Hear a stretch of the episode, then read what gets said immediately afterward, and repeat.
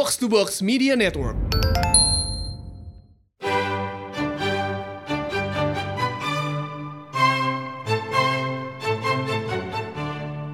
Hello everyone, thanks for riding with us. This is Pangeran Syahan with Ranaditya Alif. This is What up? the first episode of our podcast yang masih nggak tahu namanya apa sejujurnya. Kita masih belum bisa memfinalisasi uh, namanya apa. Tapi buat lo yang sekarang lagi nonton kita di Instagram Live, you're lucky, you're privileged karena lo menyaksikan proses bersejarah ini di mana rekaman podcast episode pertama kita disaksikan langsung secara live. Dan Yes. kalau lo tanya gue kita mau ngomongin apa pada uh, hari ini, sejujurnya gue nggak punya rundown sama Rana. Dia udah mempersiapkan sih, ada topik sih. Tapi menurut gue, kalau dari pengalaman kemarin dua kali live yang udah-udah, ya kita obrolannya ke mana-mana kan. Dan that's the best thing gitu menurut gue kalau buat ngobrol sama Rana gitu. I've been knowing Rana Hmm. for how many years, Ran? I think 9-10 tahun. 2009. 2009. Dari 2009 gitu, yes. Uh, and then we engage in a lot of uh, conversations, either sober or not sober. Dan itu selalu extended gitu kan, gitu obrolan dan segala macam di, diobrolin gitu. Dan itu yang akan kita lakukan sekarang. Dan actually Rana punya punya bahan pembicaraan yang menarik sih yang kemarin dia propose sama gue Hmm. untuk kita omongin pada hari ini sih. Iya, sebenarnya ini topiknya menurut gue, ini gue propose soalnya it's up Panges Alley gitu loh. Gue justru nggak terlalu tahu soal ini, jadi gue pengen dapetin perspektifnya Pange. Mungkin teman-teman kalau ada yang ngebaca headline clickbait dari media Tempo like two days ago, eh, muncul satu pemberitaan soal salah satu pahlawan paling terkenal di Indonesia, yaitu Pangeran Diponegoro. Di situ headline-nya dibilang uh, statement uh, Peter Carey kalau nggak salah namanya, salah satu sejarawan uh, paling terkenal kalau ngomongin Diponegoro. Dia bilang kalau eh yang dikutip um, Diponegoro itu tidak selurus itu. Dia minum wine dan gin. Sebenarnya kalau artikelnya lo baca, itu artikelnya sangat panjang dan sebenarnya terkait tentang proses uh, pengembalian keris dari Belanda ke Indonesia gitu kan biasa kan kolonial mencoba Hmm. menghapus dosa-dosa masa lalu dengan masa lalu dengan ngasih pemberian balik ke negara yang tadi dijajah gitu. Cuman sangat menarik ngelihat reaksi netizen yang sangat panas ngelihat oh enggak lah di Ponorogo tuh nggak minum wine atau gin. Mungkin gue lempar ke lo dulu pang. Lo what was your first reaction uh, ketika ngelihat itu jadi sesuatu yang dibahas dengan teramat panas? Eh, yang pertama, ada banyak aspek sih di mana gue bisa meninjau ini. ya. Gue tuh orang yang termasuk selalu mempertanyakan apakah orang-orang seperti Diponegoro, Pangeran Diponegoro, atau segala macam pahlawan nasional lainnya, termasuk juga si Singamangara aja ya, biar nggak bias Yes. etnis nih. apakah mereka eh, layak untuk dianggap dan disebut sebagai pahlawan nasional? Ya. Kenapa? Karena pada waktu mereka hidup dan bertempur, berjuang, itu belum ada konsep nasional, men. Belum ada konsep nationality, gitu. Karena mereka di wilayah teritorialnya masing-masing, kan. Di kerajaannya Hmm. masing-masing, gitu. Eh, semenjak kita tahu bahwa konsep soal Indo- nama Indonesia dan juga konsep soal Republik Indonesia itu baru ada di awal Hmm. abad 20, gitu. ya, Dan lo tentu saja lo tahu bahwa eh, gua eh gua nggak tahu lo tahu apa enggak ya. Tapi coba menurut lo siapa orang pertama yang come up dengan nama Republik Indonesia dengan konsepnya? gue nggak tahu, gue nggak tahu. So you have to, you have to tell me. Tan Malaka men. Oh, that's your hero. That's your hero, iya, man. iya, iya, Ah. iya, gitu. Jadi eh, itu satu aspek ya. Tapi yang kedua adalah gini, yang, yang kedua adalah ketika gue eh, lihat ribut-ribut di eh, Twitter itu soal Hmm. gimana kehidupan pangeran di Ponegoro, yang pertama gue nggak kaget, gue nggak kaget kalau ternyata memang ada fakta-fakta lain. Tapi setelah lo baca artikelnya Tempo tersebut dan juga lo lihat kalau lo li- kalau lo follow gimana perkembangannya, si Peter Carey kan concern kan, dan dia meng- mengklarifikasi bahwa poinnya dia tuh bukan itu sebenarnya gitu. Ya, Iya kan? ya. Itu satu an- anekdot aja. Itu itu cuma satu anekdot aja. Cuman gini deh, gini ya. Lo lihat deh di, di apa namanya di kerajaan mana pun di seluruh Hmm. dunia. Pada saat lo adalah seorang royal member, royal, royal sovereign ya, lo punya kuasa, lo punya rakyat, lo punya teritori gitu. Lo pasti punya kecenderungan untuk bertindak sesuai dengan kuasa yang lo punya kan. Kurang lebih gitu. benar. Jadi kalau lo dengar sesuatu soal bagaimana seorang sovereign di wilayah mana pun, negara mana pun di dunia ini bertindak laku dalam tanda kutip seenaknya, menurut gue tuh hal yang wajar, Ben. Lo mau lihat Sultan Hmm. Brunei, ya, lo mau lihat Raja Arab misalnya, segala macem lah, sampai lo mau lihat semua sovereign di seluruh dunia, pasti sama kelakuannya. Pasti sama. Ya emang Gitu. kalau gue sih ngeliatnya gini ya, lu kalau bayangin di Ponegoro zaman dulu dengan gelarnya, ya udah pasti kalau zaman sekarang dia pasti tipikal yang bakal nongol di majalah-majalah kayak Indonesian Tatler. Iya gak sih? Ya, Di Indonesia bawah. Tatler, iya, iya. Iya kan, dia lagi minum Iya, kan. By the way, lo mention soal Tan Malaka jadi agak agak ironis ya.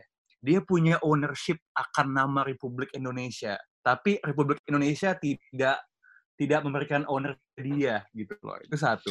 Dua, em, sebenarnya ketika gua ngelihat headline itu, to be honest, Bang, gua agak disappointed. Mhm. Soalnya ketika kalimat pertamanya sudah di Ponegoro tidak selurus itu, I was like, so is he gay?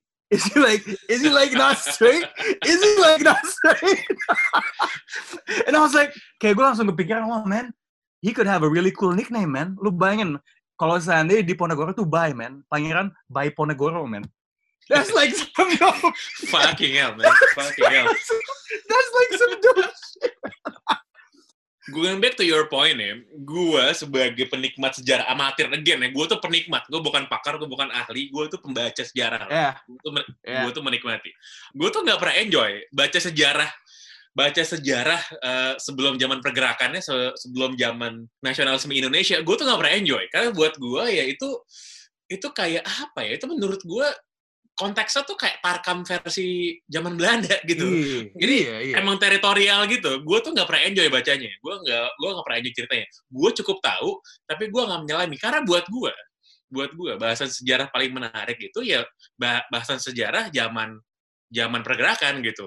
Dan yang Ya. mana menurut gue dari kecil sampai sekarang, gue tiap kali baca buku sejarah di sekolah lebih banyak yang zaman perang-perang raja-rajaan itu menurut gue, gitu Yes. itu lebih lebih ngelotok. Gini deh, lo kalau di, kalau ditanya pahlawan nasional, pahlawan Indonesia gitu, lo pasti kan pikirannya di Ponegoro, Imam Bonjol, Pangeran Antasari, gitu kan, Sisingamangaraja, Mangaraja, Sultan Hasanuddin, ya kan, dan lain sebagainya. Lo pasti nggak akan langsung gitu top, top of your head ngomongin soal Syahrir, ngomongin soal uh, Ki Hajar Dewantara, misal Indonesia Party, kita ngomongin ini kemarin pada waktu kita IG Live, nggak pernah ngomongin soal let's say bagaimana uh, Amir Syah, Amir Syarifuddin misalnya atau misalnya kayak Agus Salim atau Cokraminoto itu pasti ada di belakang gitu kan.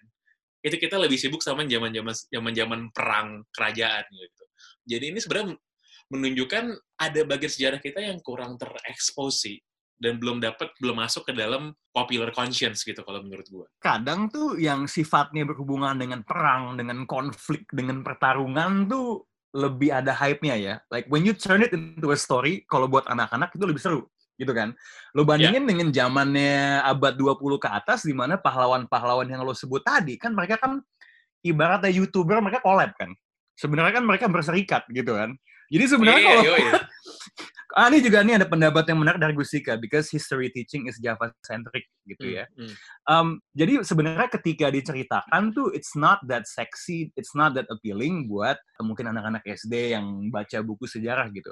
That's one thing. Hmm. Walaupun sebenarnya ketika sudah berserikat dan sudah berkumpul, sebenarnya penanganannya menjadi semakin lancar gitu loh. gue tuh orang yang kalau ngomongin Indonesia zaman pergerakan tuh gue bisa nangis men ngomonginnya Kenapa? soalnya ya? Kenapa? soalnya menurut gue it's very romantic, very dramatic, dan karena Hmm. itu underexposed dan orang gak banyak tahu, agak kasihan gitu. Karena Hmm. orang udah udah capek-capek gitu ya bergerak berjuang, tapi eh, apa namanya orang nggak banyak yang kenal gitu. Orang nggak Yes. banyak yang bener-bener nyampe ke dalam pengetahuan umum. Kayak yang gue bilang tadi, kayak kalau misalnya kita ngomong gini deh, kan yang namanya sejarah tuh selalu ditulis sama orang yang menang kan, selalu Penguasa, ya. Gitu, ya kan? Kalau lo baca sejarah, lo akan tahu bahwa sebenarnya nama Syahrir itu nggak kalah mentereng dari nama Soekarno sebelum merdeka ya, gitu. Hmm. Itu tuh sama, tapi memang Bung Karno itu charmnya, karismanya luar biasa, gitu. Sementara Syahrir kan kalau lo baca sejarah, badannya kecil, kurus krempeng gitu ya. Bahkan lo tau nggak panggilan diri dia tuh Bung Kecil, men.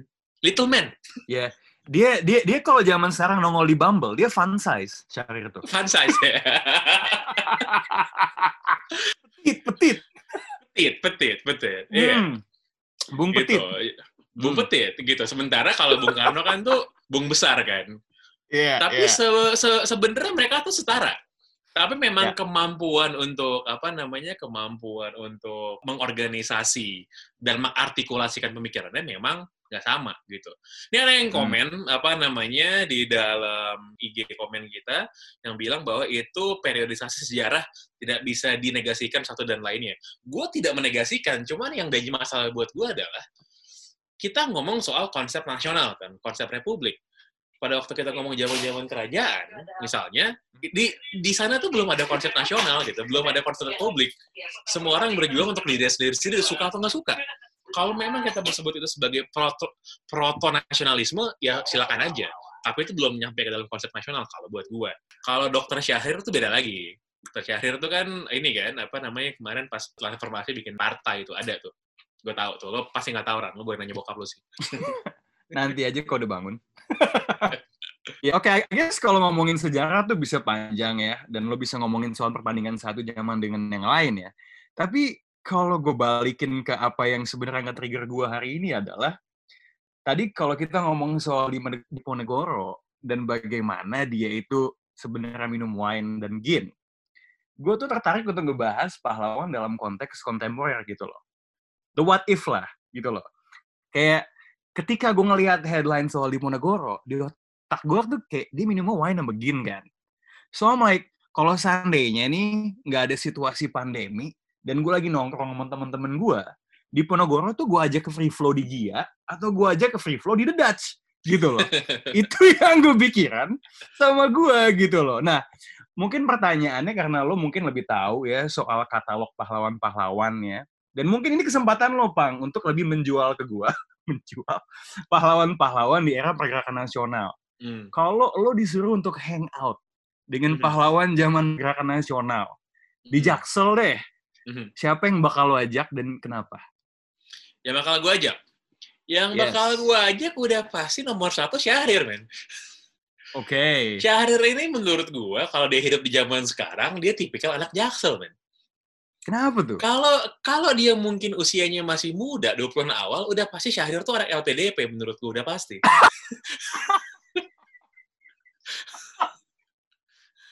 udah Nggak, pasti. Pertanyaan gue, tunggu tunggu. Iya. Kalau seandainya dia LPDP, dia bakal Iya. jadi tipikal yang ikut ospeknya nggak? Eh, kemungkinan besar enggak, dia merasa dia terlalu pintar dan terlalu bermartabat untuk ikutan ospek, gitu. Cuman dia Wah. pintar dan dia pergaulannya seperti itu, gitu. Jadi kan kalau lo pernah dengar terms sosialis dan sedansi, yang kerjanya Hmm. nongkrong, diskusi di warung Hmm. kopi, party, ya itu Syahrir, gitu. Ah, gitu. Dan dia menurut gue kalau dia hidup zaman sekarang seumuran kita, dia epitom anak jaksel menurut gue. Jadi kalau jadi kalau siang nongkrong di coffee shop berdialektika gitu ya ngobrol, kalau malam Aha. zodiak men. zodiak. Kenapa zodiak bukan dark down? Pertanyaan gue. Eh, karena Duck Down buat Syahrir pasti terlalu mainstream. Dia pengen yang lebih niche pasti. Ah, Ah. iya. Dia nggak mau nyanyi Gitu. lagu Oasis gitu ya? Nggak mau, nggak mau. bisa Dia, dia, nggak bisa. dia, dia kalau Syahrir jadi kalau Syahrir jadi anak clubbing, dia pasti pengen dengerin DJ Belanda yang musiknya nggak ada liriknya men. Gitu. Ah, Ah, I get it. Jadi dia tuh tipikal anak jaksel, tapi dia nggak Hmm. mau jadi bro-bro jaksel kan? nggak mau, nggak mau, nggak. Nggak mau dia. Dia Nggak, nggak, nggak. lagi di dalam palanya dia pasti kayak I'm too cool for this shit man. Hmm. Pasti kayak gitu kan? Iya, iya, Kan iya. dia ada yang bilang anak jaksel edgy katanya. Edgy, Gua tuh- edgy, edgy. Edgy. Cuman gini, Nah. cuman eh, menurut gue kalau kalau kalau kalau Syahrir itu dia kemampuan sosialnya masih bagus, masih Ya. bagus gitu. Nggak kayak Tar Malaka gitu yang sangat brilian, tapi cenderung lebih edgy lagi kalau dia gitu.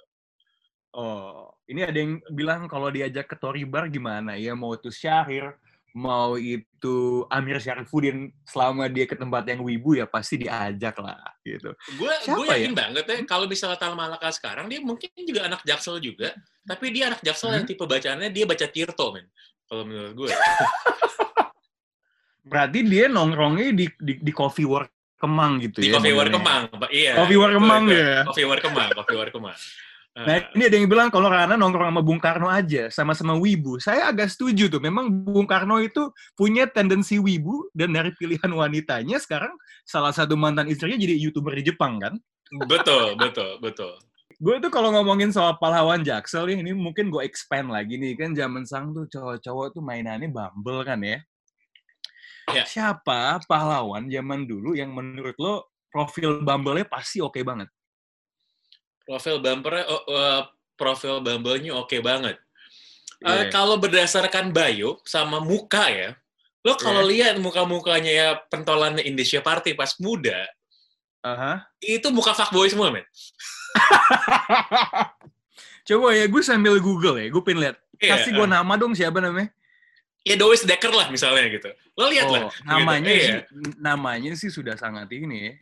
Iya. Terus, uh, Na- nama depannya Ernest. We don't talk about that enough. Nama depannya Ernest, man. iya. uh. Oh, Oke, Ernest Dawes Dekker. Kumisnya juga ini ya. em, kayak dulu lo inget gak sih? Dulu ada tempat namanya Tree House di Kemang. Di house, yoi, yoi. Nah, ini Hmm. kumis dia kayak kumisnya eh, Ernest Dawes Dekker, man. Bisa Anton ya. Mirip banget. Kumis Anton, Anton. Iya. gue sebenarnya kalau kalau Bumble ya, kalau dating pahlawan menurut gue yang mesti lo avoid cuma satu sebenarnya. Siapa? Supriyadi. Oh, Supriyadi. Karena dia suka ghosting, Ghosting, ya? soalnya. Ghosting dia. Oh, ini ada be- ada beberapa komen yang ngomongin Sultan Hamid. Lo pernah lihat muka Sultan Hamid nggak? Eh, belum, makanya gue lagi googling. Coba kita lihat Sultan Sultan Hamid mukanya kayak Joseph Sudiro, men, mukanya. Hmm. Let me see, let me see. Lah, berarti kayak Stalin muda dong. Kurang lebih iya, iya, iya. Lo lihat muka Sultan Hamid. Oh, iya ganteng sih. Ganteng. Dia yang Oh iya bikin- iya iya ganteng ganteng. Dia yang bikin lambang Garuda Pancasila kalau nggak salah. So he's a designer? Itu Iya, jaksel iya, iya. sekali. Iya, iya, iya, iya. Desainer grafis dia. Oh, oke. Dia come up dengan itu kalau nggak salah gue ya. Iya iya iya iya. eh Amir Syarifuddin. Nah, kalau Amir, kalau Amir, gue nih, gue nih suka sama Amir sebenarnya bukan gara-gara di- dia tokoh terbaik gitu ya. Tapi Ya. gara-gara dia, eh, menurut gue perjalanan hidupnya tuh menarik aja gitu. Jadi gini Ran, lo kalau denger nama Amir Syarifuddin, menurut lo dia agamanya apa Ran? Lah dia bukannya pindah ya dari Islam ke Kristen kalau nggak salah. Dia pindah, dia Ah. pindah dan dan dia dan dia ke mana-mana kok menurut sejarah, menurut cerita, menurut buku, dia selalu bawa Bible. Oke. gitu selalu bawa- dia selalu bawa Bible gitu nah Hmm. jadi kalau menurut mitos katanya nih ya katanya dia pernah ditangkap sama Jepang dan mau dihukum mati terus pada waktu dia diinterogasi dia digantung dengan kepala kebalik jadi kaki di atas kepala di bawah digebukin nih digebukin sama Oke. kempetai gitu kan digebukin Hmm. disiksa terus dia katanya ketawa-ketawa gitu pas digebukin psycho gitu lah ceritanya sampai Oke. yang sampai yang ngegebukin takut gitu. Hmm. Itu kan kayak bener-bener kayak cerita film gitu kan. Kayak cerita fiksi gitu. Dia udah kayak Zackly di filmnya Timo Cahyanto, basically kan? Eh, iya. Iya. Terus terus terus gue tanya dong sama teman gue yang sejarawannya, gue nanya sama Boni Triana Eh. gitu. Yang Boni, emang bener itu kalau Amir Syarifuddin tuh pas diinterogasi sama Kempetai Jepang, digantung dengan kepala kebalik, disiksa ketawa-ketawa. Hmm. Di sinilah pentingnya kalau ngomong sejarah itu bahwa eh, yang namanya referensi itu penting dan gak cuma satu gitu kan. Nah, kalau Hmm. menurut Boni Triana dia bilang kayaknya tuh kecil kemungkinan deh itu. Karena satu nggak pernah ada lit- nggak pernah ada literatur sejarah yang ilmiah yang mengkonfirmasi hal tersebut. Dan yang kedua, si Amir ini katanya pendiam aslinya. Gitu. Oke. Jadi kecil kemungkinan dia nyolot pas lagi diinterogasi gitu. Kecil kemungkinan. Jadi dia jadi dalam kondisi normal dia introvert. dia Ketika introvert. dia hajar langsung keluar Hmm. psycho semua extrovert ya. Iya, tapi itu kayak myth gitu loh. Oke, well it's a good urban myth dan sebenarnya it sounds like a cool scene. Nah dari situ gue mau nanya ke lo men, kan sebenarnya kalau kita lihat selama ini film-film yang temanya pahlawan tuh yang dibikin kan yang paling mainstream ya, Hmm. right? Ini ini pet peeve gue ya, gue bencinya setengah mampus sama film Soekarno yang dibikin sama Hanung. Dan Yang dengan logika Bayu. itu gue juga Aryo Bayu dan gue ya. juga benci juga sama ini ya lo kan lo kan baca pram Ya. gue nggak gue ngajak bokap gue nonton eh, Bumi Manusia karena bokap gue demen Hmm. nah ketika gue habis nonton itu film gue yang kayak damn I don't wanna watch this anymore. Gue yang kayak apa iya? Cerita ini sebucin itu. Itu satu ya. Samaran I hate it too. Yes. Yes Gustika. Cuman hal yang paling gue benci dari dua film itu ya dengan dengan Soekarno adalah sebelum filmnya dimainin itu ada lagu kebangsaan Indonesia Raya. Ya. Tapi ditaruhnya pang itu Mhm. bukan bukan ketika lagi iklan-iklan, tapi setelah logo LSF keluar, terus itu dipasang sebelum filmnya. Hmm. Jadi gue ngerasa, loh, ini kok kayaknya kayak lu lagi pakai lagu Indonesia Raya untuk mengesankan kalau film lu secara otomatis nasionalis. Iya sih? Iya, iya, iya, iya, iya. Right? Isn't isn't that the worst use of a national anthem ever gitu loh? Itu manipulasi Bisa dilihat bisa dilihat seperti itu dan jangan lupakan juga bahwa di frame pertama, scene pertama film Soekarno Ya. yang menjadi aktornya adalah eh, orang yang gue anggap sebagai mentor gue, men. Gue sering berguru sama dia. Budiman Sujatmiko. Oh gitu. Jadi Iya. sekarang hubungan lu gimana sama dia? Side stepping sebentar, baik. Gue udah lama gak ketemu, tapi kalau lo Oh. ingat di film itu, adegan pertamanya, itu kan ada penggerebekan polisi Belanda. Datang ke rumah Iya. gitu kan. Dan Ah. itu yang digerebek rumahnya dia, men. Beneran rumahnya dia? Atau Bukan, enggak. Eh, dia menjadi pemeran tokoh yang digerebek sama polisi Belanda. gitu kan. Oke, oke, oke, oke. Iya, iya, iya. Kok, gue, Itu gue, banget. cameo dia ya? Oh, oke. Ah, Itu bahkan kalau mau dibilang cameo terlalu sebentar, itu agak panjang itu scene itu. Itu minor role. Ya, jatuhnya udah bukan easter egg lagi tuh. Itu kurang lebih kayak adegan pertamanya di Inglourious Basterds, menurut gue. Oh, oke. itu durasinya oke. sama, durasinya sama. Enggak, Hmm, enggak panjang, tapi enggak sebentar juga. Gitu. hmm. Jadi instead of so long Shoshana, so long Sujatmiko gitu ya. Um, Tapi gitu. sebenarnya dari situ yang mau gue itu kan kayaknya pilihan pahlawan yang dijadiin film tuh yang paling top of mind ya. Tadi lo Hmm. misalnya bilang soal Amir Syarifuddin ya. Menurut lo siapa pahlawan yang sebenarnya akan super duper badass ya? Lo mau bilang lo mau bilang Amir lagi juga nggak apa-apa yang yang wah ini orang seharusnya dibuatin film dan kalau lo boleh ngedraft sutradaranya siapa yang Hmm. bakal lo pilih? Eh, Tan Malaka sih, men. Kalau lo mau bilang paling badass ya. Itu Oke. Tan Malaka. Dan gue gua kalau director gue nggak tahu siapa, karena menurut gue eh, bisa bervariasi. Tapi gue udah punya aktornya siapa yang mau kalau gue jadi casting director dia yang gue cast jadi, jadi Tan Malaka. Siapa? Siapa? Tengku Rifku eh, Tengku Rifnu Wikana. Oh iya men, itu dia kalau lagi ngelongo kayak mau bunuh orang mukanya kan? Dan mirip banget sama Malaka, men. Mirip banget. Iya tunggu tunggu. Eh, Rifnu Wikana. mirip, men. Lo Iya. bandingin mukanya Rifnu Wikana sama Tan Malaka, mirip, men. Tapi kayaknya Rifnu itu sedikit lebih keras deh mukanya. Cuman masih Coba, satu lanjut, Zaza. masih satu ini, masih satu Oh iya bisa bisa bisa bisa bisa bisa satu bisa bisa. bisa. Rona lah gitu kan. Iya iya iya masuk masuk masuk masuk masuk. Kalau mau main Amir Syarifuddin dijadiin film, gue udah punya aktornya juga siapa Amir Syarifuddin. Siapa?